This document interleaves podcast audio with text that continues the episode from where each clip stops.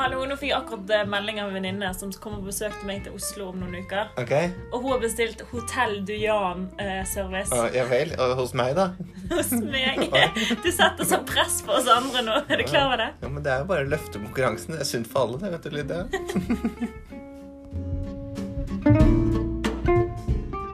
Hjertelig velkommen til Klassisk med Lydia og Jan. Yeah. Lydia, dette er episode fem. Kan du tenke deg? Ja, fy søren, vi holder fortsatt ut, altså. Det er, eh, det er imponerende, hvis vi skal si det selv. I, i dag, Lydia, så tenkte jeg litt at eh, vi har jo vært litt innom litt forskjellige historier sånn fra våre hverdager før. Ja. Og vi har jo faktisk nå siden sist fått eh, en del hyggelige tilbakemeldinger. Blant annet om våre hverdager med klassisk musikk. Så det tenkte vi at det skal vi fortsette litt med, og fortelle litt eh, derfra. Men så har vi også fått hyggelig tilbakemelding på at folk liker at vi er litt tematiske. Og vi er jo veldig glad for at vi får sånne tilbakemeldinger fra folk. At de vil høre, høre mer om det ene og det andre. ja, fortsett å hjelpe oss, Ja. for vi er nye i gamet. Eh, nye gamet, følg oss på Vi minner om at vi har ikke Facebook, men vi har Instagram. følg oss på Instagram og på Klasserspodden. Og der finner dere også vår spilleliste, hvor vi selvfølgelig også legger ut ulike sanger som vi syns dere bør høre på. Ja. I dag skal vi snakke om hvordan man kan bruke klassisk musikk litt sånn konstruktivt i hverdagen. Yes! Sant? Mm, det skal vi. Og det er jo eh, faktisk så er det jo en ting at man kan bruke det konstruktivt, men det er jo veldig mange fordeler med klassisk musikk også. Og det gleder vi oss veldig til å snakke med dere om Ja. i dag.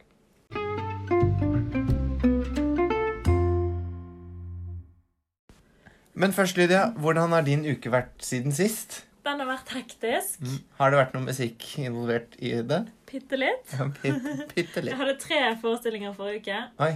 Og uh, masse jobb og masse coaching og sånn. Ja. Men uh, ny uke, nye konserter. muligheter, ja. yes. Og hva med deg, da?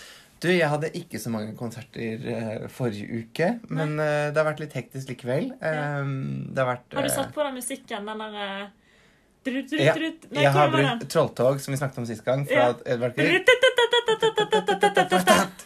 Ja da, den har vært brukt flere ganger. Til og med vært innom en venn av meg som hadde satt den på på vegne av meg fordi jeg var litt forsinket.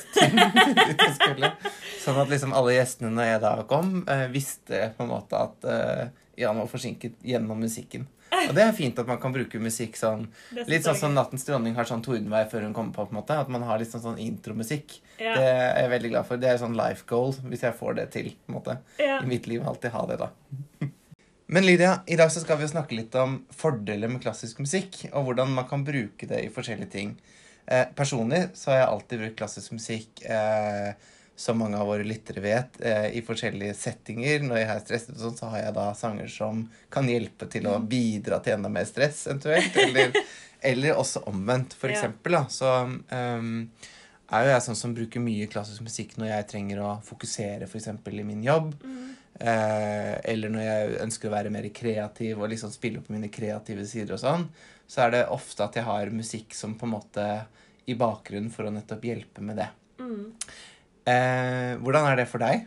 Jeg tenker at klassisk musikk det er så komplekst. Mm. Sånn at det, jeg skjønner godt at det kan gi liksom inspirasjon og nye ideer og sånn. Fordi Mm. at det er liksom ikke helt A4. Nei.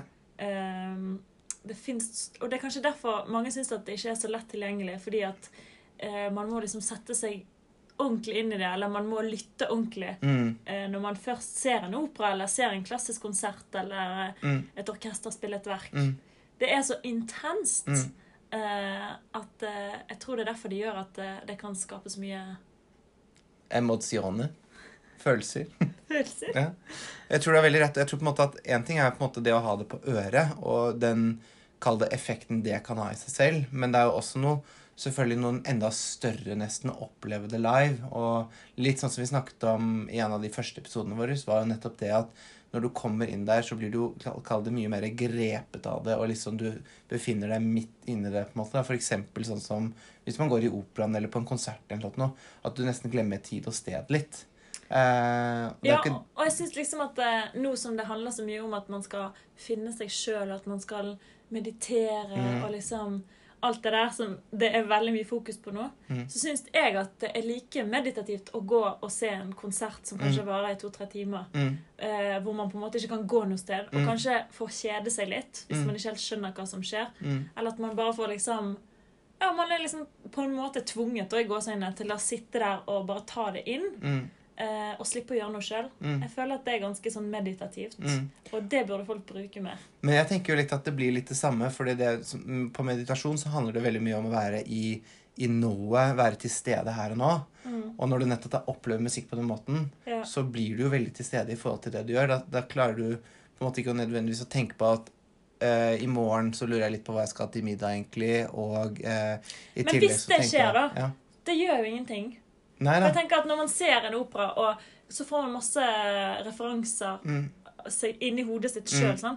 Og hvis det på en måte, uansett hva en opera gjør med deg, eller en Mm. konsert gjør med deg, bare at det skjer et eller annet At du begynner å liksom reflektere eller tenke Mm. på det eller det. mm, Det er bra. Jeg tenker at eh, man bruker altfor lite tid på å bare fundere. mm. Jeg skjønner det. Jeg syns jeg innimellom bruker litt for mye tid på det, men det, det kan vi ta en annen, en annen podkast.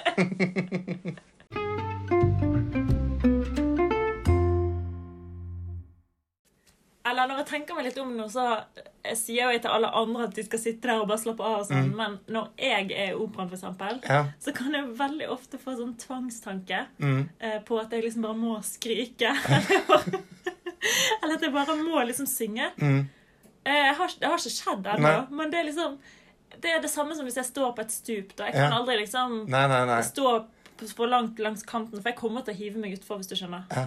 Men, uh... Det er litt det samme når jeg er i operaen. Så tenker jeg sånn Så får jeg, blir jeg redd av meg sjøl. Liksom. Kommer jeg nå til å bare snu opp og bare Skjønner du? Liksom, Noen ganger tenker jeg shit. Det er så nærme at jeg gjør det, da. Ja, men du hva, Jeg tror på en måte at alle mennesker opplever sånne tvangstanker. Det jeg har lært, er at jeg har også tenkt den samme. Og faktisk, de gangene jeg har hørt deg i operaen, så har det vært sånn Tenk om jeg bare skrek 'Lydia!' nå, liksom sånn fra salen. Og så er det en sånn Du ville jo aldri gjort det, men du føler at det er veldig lett å gjøre det. Måte. Ja, sant? Det er så Mm. sykt stille. Ja, det er akkurat det. Det er så stille at det er derfor du har lyst til å gjøre den derre Nå må det skje noe, på en måte. Ja. Ja. Eh, men jeg tror nok eh, du aldri kommer til å gjøre det, Lydia. Og jeg tror ikke jeg heller kommer til å gjøre det. Eh, I så fall så tror jeg det blir den ene gangen, for jeg tror ikke man blir invitert tilbake i operaen etter en sånn ting. Man får rulleblad. Man får operatisk Ja. rulleblad. Fra operapolitiet.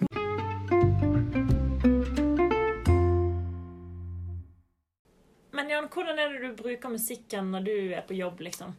Ja, vet du hva, det er litt sånn eh, som jeg alltid har gjort. Og faktisk så er det sånn at eh, da jeg studerte, så hadde vi ekstremt mye vi skulle lese eh, hver eneste dag. Det var veldig sånn akademisk eh, sted jeg gikk. Ehm, og da ehm, begynte jeg faktisk med det å lytte til musikk mens jeg eh, leste, da. Fordi at da satt jeg på en lesesal. Og derfor så er det, syns jeg, har vært så fint å kunne eh, bare liksom zone out med musikk. Um, og det er noe som jeg på en måte har fortsatt med. da. Og for meg personlig så har det gått veldig i å lytte til da, selvfølgelig klassisk musikk. Um, og da gjerne f.eks. Händel eller sånn derre mandolinkonsertene til Vivaldi og sånt noe. Eh, men det jeg har faktisk skjønt, er at stort sett så er det best hvis det er kun instrumentalt. på en måte, Ja. I forhold til å komme ordentlig sånn i den der sonen. Mm. Eh, og det er litt morsomt, fordi noen av de eh, studiene som jeg har lest Ja, litt om høre litt nå. For jeg har vært på nettet, skjønner du. Og eh, for eksempel så er det en, en, en slags nyhetssted som heter for businessverden, som heter Quart, Quartz at Work. Ja. Og de har en studie som eh, rett og slett sier at det å lytte til musikk mens man jobber Klassisk Eh, musikk. Ja, ikke nødvendigvis klassisk musikk, eh, så vi må være så ærlige. Wah.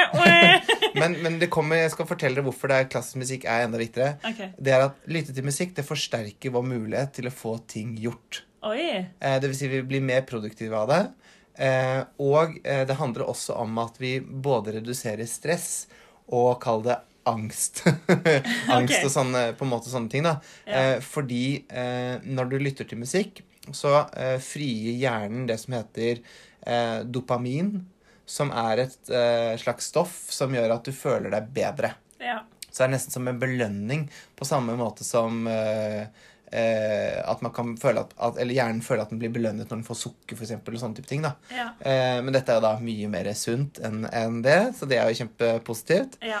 Eh, og så er det da litt sånn i forhold til den studien som forteller at eh, hvis du da hører på eh, musikk når du eh, jobber, så Ja. vil du være eh, mye mer til stede fordi du fokuserer på det. Fordi at stresset i deg og det at du bekymrer deg for ting og sånn, det forsvinner litt av musikken. på en måte, og Du blir mye mer fokusert her og nå, og da får du gjort det du skal. Og uten at dette står i den der eh, eh, studien der Mm. Når du hører på musikk, så er det jo liksom en reise. Den stopper jo ikke. Nettopp. Så du får den der flowen. Det er det du gjør. meg. Ja. Og du kan til og med prøve å skrive mail i takt med musikken. ikke sant? Det er mange ting du kan gjøre. Uh, Og det kommer litt selvfølgelig an på hvilken jobb du har, men hvis du har en kall det kontorjobb sånn som meg, Mm. hvor jeg også innimellom har, sitter for meg selv og svarer på mails eller skal sette meg inn i forskjellige ting, Ja. så fungerer det ekstremt bra for min del. da. Og nå, eh, Apropos det, fordi jeg har jo det motsatte av en kontorjobb. på en Mm. måte, Der jeg jobber med musikk og bevegelse og eh, tanke, tanke, tanke. Og vi liksom leker og Mm. liksom jobber, jobber veldig fysisk, da. Mm. Eh, så når jeg skal på en måte få ting gjort, så kanskje jeg plutselig hører på musikk. Da blir det for mye. Mm, skjønner mm. du? Eh, men hvis jeg eksempel skal klippe gresset Mm. Som jo du ofte gjør. Ja, men jeg er jo fra en gård, Ja, sant? ja, ja. Og jeg er jo totalt ubrukelig, selv om Ja. jeg er odelsjente. Men Mm. jeg får ofte denne oppgaven av å klippe gresset da, hvis jeg er hjemme på Mm. besøk. Mm. Eh, og vi har sånne gressklipper som du må liksom dytte etter deg. Og det er ikke traktor. Nei, for, Så der går jeg, og vi har ikke bare litt plen, vi har liksom Det er liksom mål på mål på mål. Vi Mm. skal gå med den plenklipperen. Mhm. Da har jeg ofte satt på litt sånn eh, klassisk musikk, men litt sånn voldsom klassisk musikk. På en måte. Ikke sånn og så, Eller sånn skikkelig sånn der eh, nasjonalromantisk. Mm. Og så går jeg med den der eh, plenklipperen, og så kommer det litt sånn da-da-da-da-dam, Og da liksom hopper jeg litt sånn. Ser du det for deg? Veldig, og det er faktisk, det støtter en annen, et annet argument i den samme artikkelen. At uh, i forhold til det som går på fysiske prestasjoner For de snakket også med en, en som var fysiolog, på en måte, da. Ja. Som sa det at eh, det å lytte til eh, musikk når man eh, trener, eller eh, når man eh, liksom skal gjøre noe som er anstrengende fysisk, Mm. så er det også noe som på en måte hjelper deg til å holde ut lenger i forhold til sånn smerte og sånn. Jeg vet ikke om du blir sånn skjelven i er- ermene etter og litt sånn når du driver med gressklipperen, men, men det er jo noe med den der boosten du får av den musikken. Ja. Jeg har liksom musikk som jeg hører på på gymmen, da, ikke sant? Ja. Um, mens du da løper og uh, øver på en operaen, på en måte, på løpebåndet. ja. Så, det, så kan man bruke det på den måten òg, og det gir veldig gode effekter, da. OK, så det var én studie. Det er en studie. En annen artikkel som jeg fant fra NRK sine hjemmesider, Ja. så har de snakket med en som heter Geir Olve Skeie. Ja. Og eh, Geir Olve Skeie, eh, han blir intervjuet. Og han er nevrolog på Haukeland sykehus.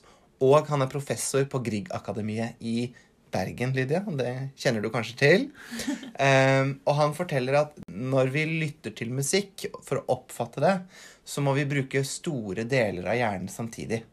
Og det er ganske interessant, for det betyr jo at eh, da aktiverer man mange områder. Og sånn sett så eh, prepper man på en måte hjernen til å da ta imot nye ting. F.eks. at man leser noe og skal oppfatte det man leser. da. For det er liksom mye mer av hjernen på en måte i- igangsatt. Og det viser bare at nettopp det med musikk er viktig. da. Men det som mange av disse artiklene sier, er at um, Som vi var bitte litt inne på, dette med at uh, det kan hende at eh, hvis det blir for mye tekst i sangene, så kan det eh, påvirke negativt. For da kan man henge seg veldig opp i teksten. ja. Og eh, så er det jo sånn at innenfor klassisk musikk så fins det jo veldig mye selvfølgelig eh, av den musikken som har med sangere til, eller med, med nydelig tekst til, at det er eh, veldig sånn lyrisk element der. Men du har jo også veldig mye orkestral, eller musikk som bare er orkester, eller piano, eller sånt noe. Så det kan jo hende at man da bør undersøke litt hva som passer best for en selv, da. ja. Og jeg har mange ting som eh, jeg bruker, som sagt, som er store verk hvor det synges veldig mye. Blant annet Bachs Matteus-personen er et av de sånne mine sånn go to-verk, da. Som jeg kan høre på igjen og igjen. Men det er også fordi jeg kjenner det såpass godt at jeg trenger ikke å henge meg så veldig opp i teksten, kanskje, underveis, da. Nei. Så det har blitt et sånt verk som på en måte ligger veldig sånn latent eh, klart. Eh, og så er det en nydelig musikk. Eh, men eh, det er ganske interessant at det er sånn. Men det som er veldig viktig, er at man må bruke musikk som man liker. Det sier også nemlig disse studiene. Så det er eh, Du må finne musikk som passer deg, som gjør at eh, du liker det. Fordi eh, man hadde nemlig noe som kalles for Mozart-effekten. Ok. Har du hørt om det før? Nei. Og Mozart-effekten er et eh, var en studie som ble gjort eh, i eh, USA eh, av en fysiker og en kognisjonsforsker som også tilfeldigvis var cellist. Eh, så det var fysikeren Gordon Shaw og Francis Ra Rauschner. Og det skjedde i 1993. Ok. Og i den, eh, på en måte, det forsøket, da, så eh, fikk eh, veldig mange eh, studenter som var med i denne forsøkspanelet, de skulle gjøre forskjellige oppgaver innen ge- geometri, puslespill, bygge med byggeklosser osv. osv. Ja. Eh, og eh, så var det noen av dem som lyttet til eh, Mozarts sonate for to pianoer i D-dur. Eh, og de andre lyttet til en instruksjonstape med avslappende øvelser eller stillhet. Så Ok. da er du litt inne på det du snakket om i sted. Ja. Ehm, og ehm, på en måte konklusjonen deres var at det virket som man, man ble mer eh, hva skal man si, intelligent eller flinkere til å løse disse oppgavene eh, blant de som hadde lyttet til Mozarts eh, ting. da. Ja, for jeg tenker at liksom Hvis du får en instruksjonsvideo du skal lytte til, eller sånn, Mm. så må, må du bli så aktiv i denne meditasjonen. Du må liksom Og så skal jeg gjøre det og det og det. Mm. Så blir det sånn prestasjon i det. Mm. Men hvis du lytter til musikk, så, så kan du bare lene deg tilbake. Du trenger ikke gjøre en dritt. Nei. Du kan bare liksom bare ta det inn, la andre gjøre jobben, Mm. og bare chille den, liksom. Ja da. Men det, det som da på en måte dette er, Nå leser jeg litt fra det som NRK skriver om denne Mozart-effekten. da. Ja. Eh, og, eh, men så har man selvfølgelig undersøkt dette videre, fordi det som skjedde da, var jo at eh, da kom det jo et, et arsenal av forskjellige verktøy som folk ville bruke. Sånn Gud, ja, alle må lytte til Mozart, for da blir det mye bedre og bedre og bedre. Okay. Så man har gjort masse forsøk etterpå for å se nettopp om på en måte dette kan stemme. Ja. Ehm, og det da en ny studie fra 2006 sier, er at du kan på en måte ikke eh, eh, kalle det for en Mozart-effekt, dessverre. Musikken er, er et sentralt element der, fordi musikk i seg selv hjelper veldig til å få folk til å være avslappet og konsentrert for oppgaven, Mm. akkurat som du sier. Eh, men det kan like så godt være en annen, et annet stykke man lytter til enn Mozart. ja. Eh, for man gjorde en, en ny test, og da var det eh, eh, blant masse barn. Og da var, uh, så man at de som hadde lyttet til Mozart, de skårte da lavere enn de som hadde lyttet til Blur, som er et sånn britisk uh, band, på en måte. Okay. Uh, så da er det jo litt sånn at eh, Da konkluderte de da med at eh, musikalske preferanser igjen har veldig virket inn på da effekten musikken har.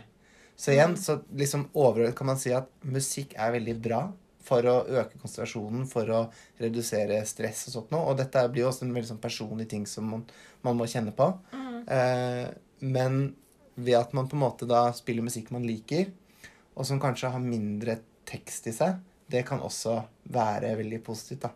Hvis man skal oppsummere disse forskjellige studiene. Ja, så sett på, hvis du skal konsentrere deg, Mm. så oppsummerer vi og sier at da setter du på noe klassisk musikk Mm. som du har funnet ut at du liker, Mm, som ikke har så mye tekst. nettopp. Smokk, smekk. Smokk, smekk. Der fikk dere den. Helt gratis.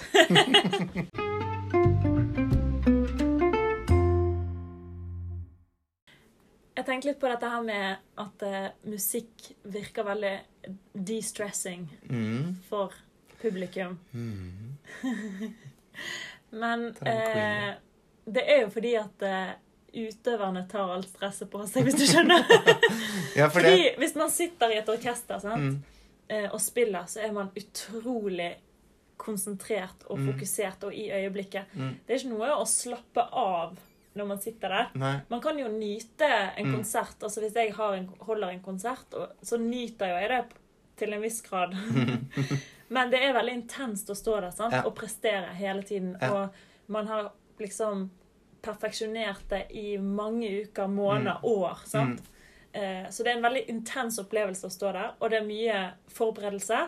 Og generelt eh, livet som musiker er ganske stressende og hardt, hvis Mm. man skal være litt sånn real, da. Mm. Jo, men det er vi. Vi må være real i denne podkasten. Ja. Men det er liksom det som er så fantastisk med det yrket òg, at man føler at man, i hvert fall som operasanger, får brukt hele seg. Ja. Man har et eh, fag, altså stemmen, at Mm. man har lært seg å synge. Mm. Studert i mange år. Jeg har jo åtte års utdannelse, sant. Mm. Eh, og man har um, jobba med dette her eh, Altså, det er en livsstil. Det er, Mm. ikke, det er ikke bare en jobb som man sier ha det bra. Nei. Nei, jeg skjønner det er en way of life. Fordi det er jo sånn ehm, Om det er faktisk med deg, så husker jeg en gang at uh, du ringte meg uh, typ sånn halv ni en kveld. Uh, fordi du nettopp hadde fått beskjed om Vi skulle egentlig ut og ta en drink. Ja. Og så hadde du nettopp fått beskjed om at du skulle inn og ha en hovedrolle eller noe sånt dagen etter. Ja, for jeg var cover på en rolle. Mm. Fordi når man er cover på en rolle, så, eh, så er man eh, en ekstra hvis den som har hovedrollen, blir sjuk. Mm. Så kan eh, operaen, da det mitt tilfelle, ringe deg og si sånn Hei, vi trenger deg. Ja, shit. Typ nå. og så må man bare gjøre rollen. Ja. Og hvor, da fikk du Og det var det som skjedde med meg, da. Men da må du ha fått sånn Hvis den operaen da begynte dagen etter um... Jeg fikk vel telefon fra operasjefen eh, i halv åtte-tida den kvelden. Kvelden før. Ja, Og så skulle det være forestilling dagen etter, da. Og da hadde jeg jo ikke hatt noen prøver med orkester eller de andre sangerne. eller noen ting. Jeg hadde bare observert prøvene, da. Så du, hadde, du fikk liksom sånn 17 timer på det eller noe da, til å forberede deg? Ja, jeg hadde jo forberedt meg mentalt. Ja. Sant? For når man er cover, så, så vet man at plutselig kan noen bli syke. Mm, Og da eh, er det min jobb å være klar til å mm, hoppe inn. Men det er noe annet å forberede seg mentalt enn å faktisk gjøre det. ja, ja, ja. Forberede seg med at man gjør eh, regien på scenen og sånn. ja Så shit. da måtte jeg, da hadde jeg debut i operaen med en hovedrolle uten å ha hatt noen prøver med de andre sangerne. Mm. Eh, med orkesteret. Mm. Jeg hadde aldri prøvd det på scenen. Nei. Prøvd regien. Jeg hadde bare sett på det, da. Så det Mm. var jo litt spennende. Ja. Men det gikk jo veldig bra, da. Ja.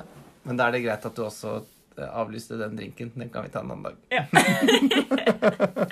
Nei, men jeg tenker sånn hva, hva, hva tenkte du da du fikk den telefonen? Eh, altså, det er veldig blanda følelser, fordi det blir veldig intenst og absolutt ikke stressfritt. Mm. Jeg husker at jeg fikk den telefonen, så ble jeg sånn letta og stressa og alt på en gang. Ja. Fordi det var et eller annet med å liksom kunne få den rollen ut av meg. da. Mm.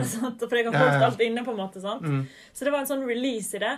Eh, samtidig så kjenner man jo presset at man er nødt til å prestere. Mm. Og man vil ikke ødelegge for de andre og Nei, nei. være i veien. Og heldigvis hadde jeg fantastiske kollegaer på scenen som, eh, som var så støttende og overskuddsaktig mot meg. Så jeg følte at det var så lett, fordi Mm. at eh, de ga meg så god energi på scenen. da. Og Mm. det er nesten det viktigste når man Uansett om man er cover eller man Mm. har en rolle generelt, at man har eh, Man kan lene seg på sine kollegaer da, Mm. og gi hverandre energi og gode vibber når man står der. Ja. Sånn at man på en måte gjør det sammen. da. Ja. Det er det som er så gøy. Sykt. Altså, det, men jeg bare tenker sånn Jeg husker jeg så den oppsetningen da Dessverre ikke den kvelden du eh, sang. Men eh, eh, jeg husker at det var veldig mye dører og sånn på scenen, og som du da mest sannsynlig skulle gå igjennom. Husket du liksom hvilken dør du skulle når og sånn? Eh, akkurat den rollen, den, eh, da skulle jeg være ganske lenge på scenen før jeg gikk ut. på en måte. Mm. Så det var ganske mange scener Ja. før eh, det var en liten pause. på en Ja. måte. Eh, og jeg husker at jeg sto der, for jeg skulle ta på en jakke og ta Mm. på en sånn veske, og så skulle jeg sette den ned igjen. og Ja. Så skulle jeg liksom spille at eh, jeg hadde lyst til å gå, men ikke gikk. på en måte. Og det gjorde jeg to ganger der. Og så tenkte jeg gud, hva, eller var det noe jeg skulle gå? Så jeg hadde plutselig sånn der, åh, åh. Og så bare tenkte jeg sånn, nei, nå må jeg bare stole på meg sjøl. Og så gikk jeg ikke ut. Eh, og så, etter hvert som vi fortsatte å synge For synginga, den sitter. ja. Så du, nesten så du bare kommer ut av deg og så bare. Ja, shit, jeg vet hvor jeg er. ok. Ja. Eh, og så når det kom det stedet jeg faktisk skulle gå ut, Mm. Da var jeg også litt usikker. Hvis jeg går ut nå, Mm. og det er feil, så må jo jeg gå inn igjen. Det blir jo ikke kleint. Eller skjønner du? Ødelegger hele Snike deg historien. inntil som sånn krabbe liksom Ja, inntil veggen. Så det var liksom, så jeg tok på meg den der veska igjen da, for siste gang. Så gikk jeg ut den, håpet at det var til høyre og ikke til venstre døra. på en måte. Ja, ja. Så gikk jeg ut, og det første jeg sa når jeg kom ut, var sånn derre Skal jeg være ute nå?! sånn, er det riktig? Og alle bare sånn eh, Ja, ja, ja! ja. Jeg bare, Og da følte jeg meg veldig diva, for da var jeg sånn der eh, Jeg må ha vann! Skal jeg ha på disse brillene i neste scene. Skjønner du? Da var jeg litt sånn kravstor, da. Ja, men det er lov. Og jeg tenker litt på dette her med at eh, eh, Jeg snakket om at publikum bare slapper av og er Mm. relaxed, mens vi på scenen jobber skikkelig hardt. Mm. Eh, akkurat den følelsen når jeg var cover, da, Mm. Eh, og hadde gjort eh, to og en halv time opera, og det var nesten slutt Jeg hadde gjort den eh, store soloen min, Mm. og så fikk jeg applaus. Så ble jeg så letta og lykkelig at det var en sånn følelse som bare var helt sånn ute av meg sjøl. Mm. Da jobba jo publikum faktisk ganske hardt for å gi meg den energien Ja, ja, ja, tilbake. Så publikum sitter og slapper av og sånn, men Mm. den der applausen Dere skal bare vite det, folkens! Ja, ja. Men- At den gir så utrolig mye, da. Men mm. jeg følte at jeg ble litt sånn der uh, godtatt, på en måte. Ja. Velkommen. Og det var jo fordi du var altså jeg tenker, Det er jo en litt sånn vanskelig I hvert fall for min del. altså Det har vært litt sånn vanskelig fordi du skal da Selv om du har vært med da At en del av det å være cover er at man er med hele veien og vet Ok, men så Du får jo på en måte bare fra sidelinjen de instruksjonene som da eh, hun andre som hadde den rollen, fikk. da, på en Ja. måte. Så det må jo være ganske krevende å bare skulle kaste seg rundt. Og det er jo ikke Det er et eller annet med at når man er sanger, så det er så veldig personlig når man mm. står der. Det er ikke noe man kan skjule seg bak. Man, har, man har ikke et instrument Nei, så... foran seg, mellom seg og publikum. Det er Mhm. liksom Det er bare deg, liksom. Mm. Og hvis man, hvis man er litt usikker, sånn, så hører man jo det i stemmen med Mm. en gang. Mm. Sånn generelt når man snakker ja, ja. og sånn. sånn. Så da kan du tenke deg når man synger der, og man skal høres gjennom et orkester. Man Mm. har ingen mikrofoner. Mm. Du må være så sjukt sikker i din Ja. sak. da. Men dette viser jo at du er en eh, også kan være en utmerket uh, covergirl, syns jeg, Lydia. Så det er kjempebra.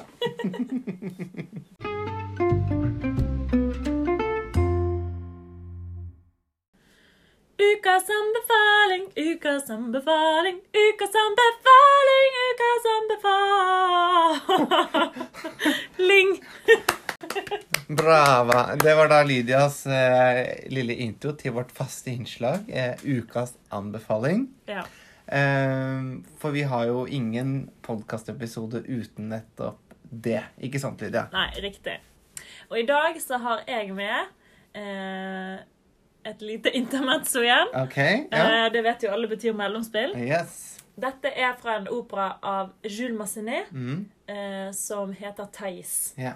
Og den er veldig kjent, denne her, Mm. nok en gang. Men den er så vakker. Den er sånn Er det rett og slett meditasjonen? Ja. Ja. Jeg tenkte det passet fint i deg. Ja, veldig fint. Meditasjon. Meditasjon. Er det dutai? Nei. Uh, ja, det er fra Theis. Ja. Av Jules Massenet. Åh, den er flott. Veldig. Så gå inn og hør på den, folkens. Det passer kjempefint nettopp til å få ro i sjelen. Og jeg vil si det er en veldig fin sang nettopp også for å ehm, øke konsentrasjonen. For det er jo bare helt perfect. Ingen tekst. Nei, ingen tekst. Orkester. Rolig og vakkert. Ja. Ja. Og den heter meditasjon. Ja. Så dette er et kinderegg, rett og slett. yes. Jeg har også tatt med en anbefaling i dag. Og det er faktisk en sang som jeg bruker litt sånn som sånn uh, For å minne meg selv litt på å roe meg ned. Sånn som en sånn uh, Det motsatte av trolltog. det motsatte, nettopp det motsatte av uh, Trolltog. Um, og det er litt fordi at jeg var på en konsert i um, Det må ha vært i vår. Våres. Med, hvor, hvor dette ble spilt. Og det er Sangen er fra Det er faktisk en sang med tekst. Um, og den er fra en, et oratorie fra Händel, Mm. som er en av de komponistene jeg liker veldig godt som ble laget i 1707, og det er da ganske tidlig i Hendels karriere. Men stykk, eller oratoriet har blitt jobbet med mange ganger siden. Et oratorie betyr at det er eh, på en måte det, det spiller ut en slags historie, nesten. Eh, men da med masse forskjellige verker og s- eh, sanger inni på en måte da eh, det store verket. da. Så det er som et stort, langt verk, men veldig, veldig fint. Og det er da fra Hendels eh, The Triumph of Time and Truth. Wow. Mm. Og eh, sangen heter Lascia la spina colli la rosa. Og senere så kom da denne sangen som eh, jeg anbefaler i dag, eh, i en nytt, kall det, format, eller med ny tekst, Ja. eh, i Rinaldo-operaen hans, og da heter den Lascia eh, Lasha Kyopianga. Som betyr 'la meg gråte i fred', på en måte, Ja. isteden. Så dette er, dette er faktisk da eh, originalen. Esatto. Originalversjonen. Esatto, esatto. Lascia la spina, cogli la rosa. Ja. Allora, og det betyr rett og slett det er, Faktisk så er det noe i det navnet som er så veldig fint. For hvis du da går på Google Translate og sjekker hva det betyr, så betyr det Unngå tornen, plukk heller rosen.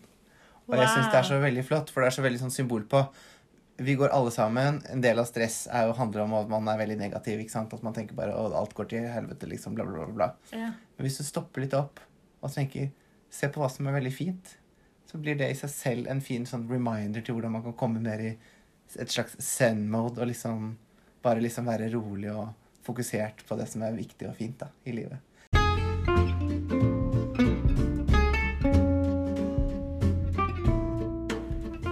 Nå Da tenker jeg det nesten må være siste ord for i dag i denne episoden. Mm.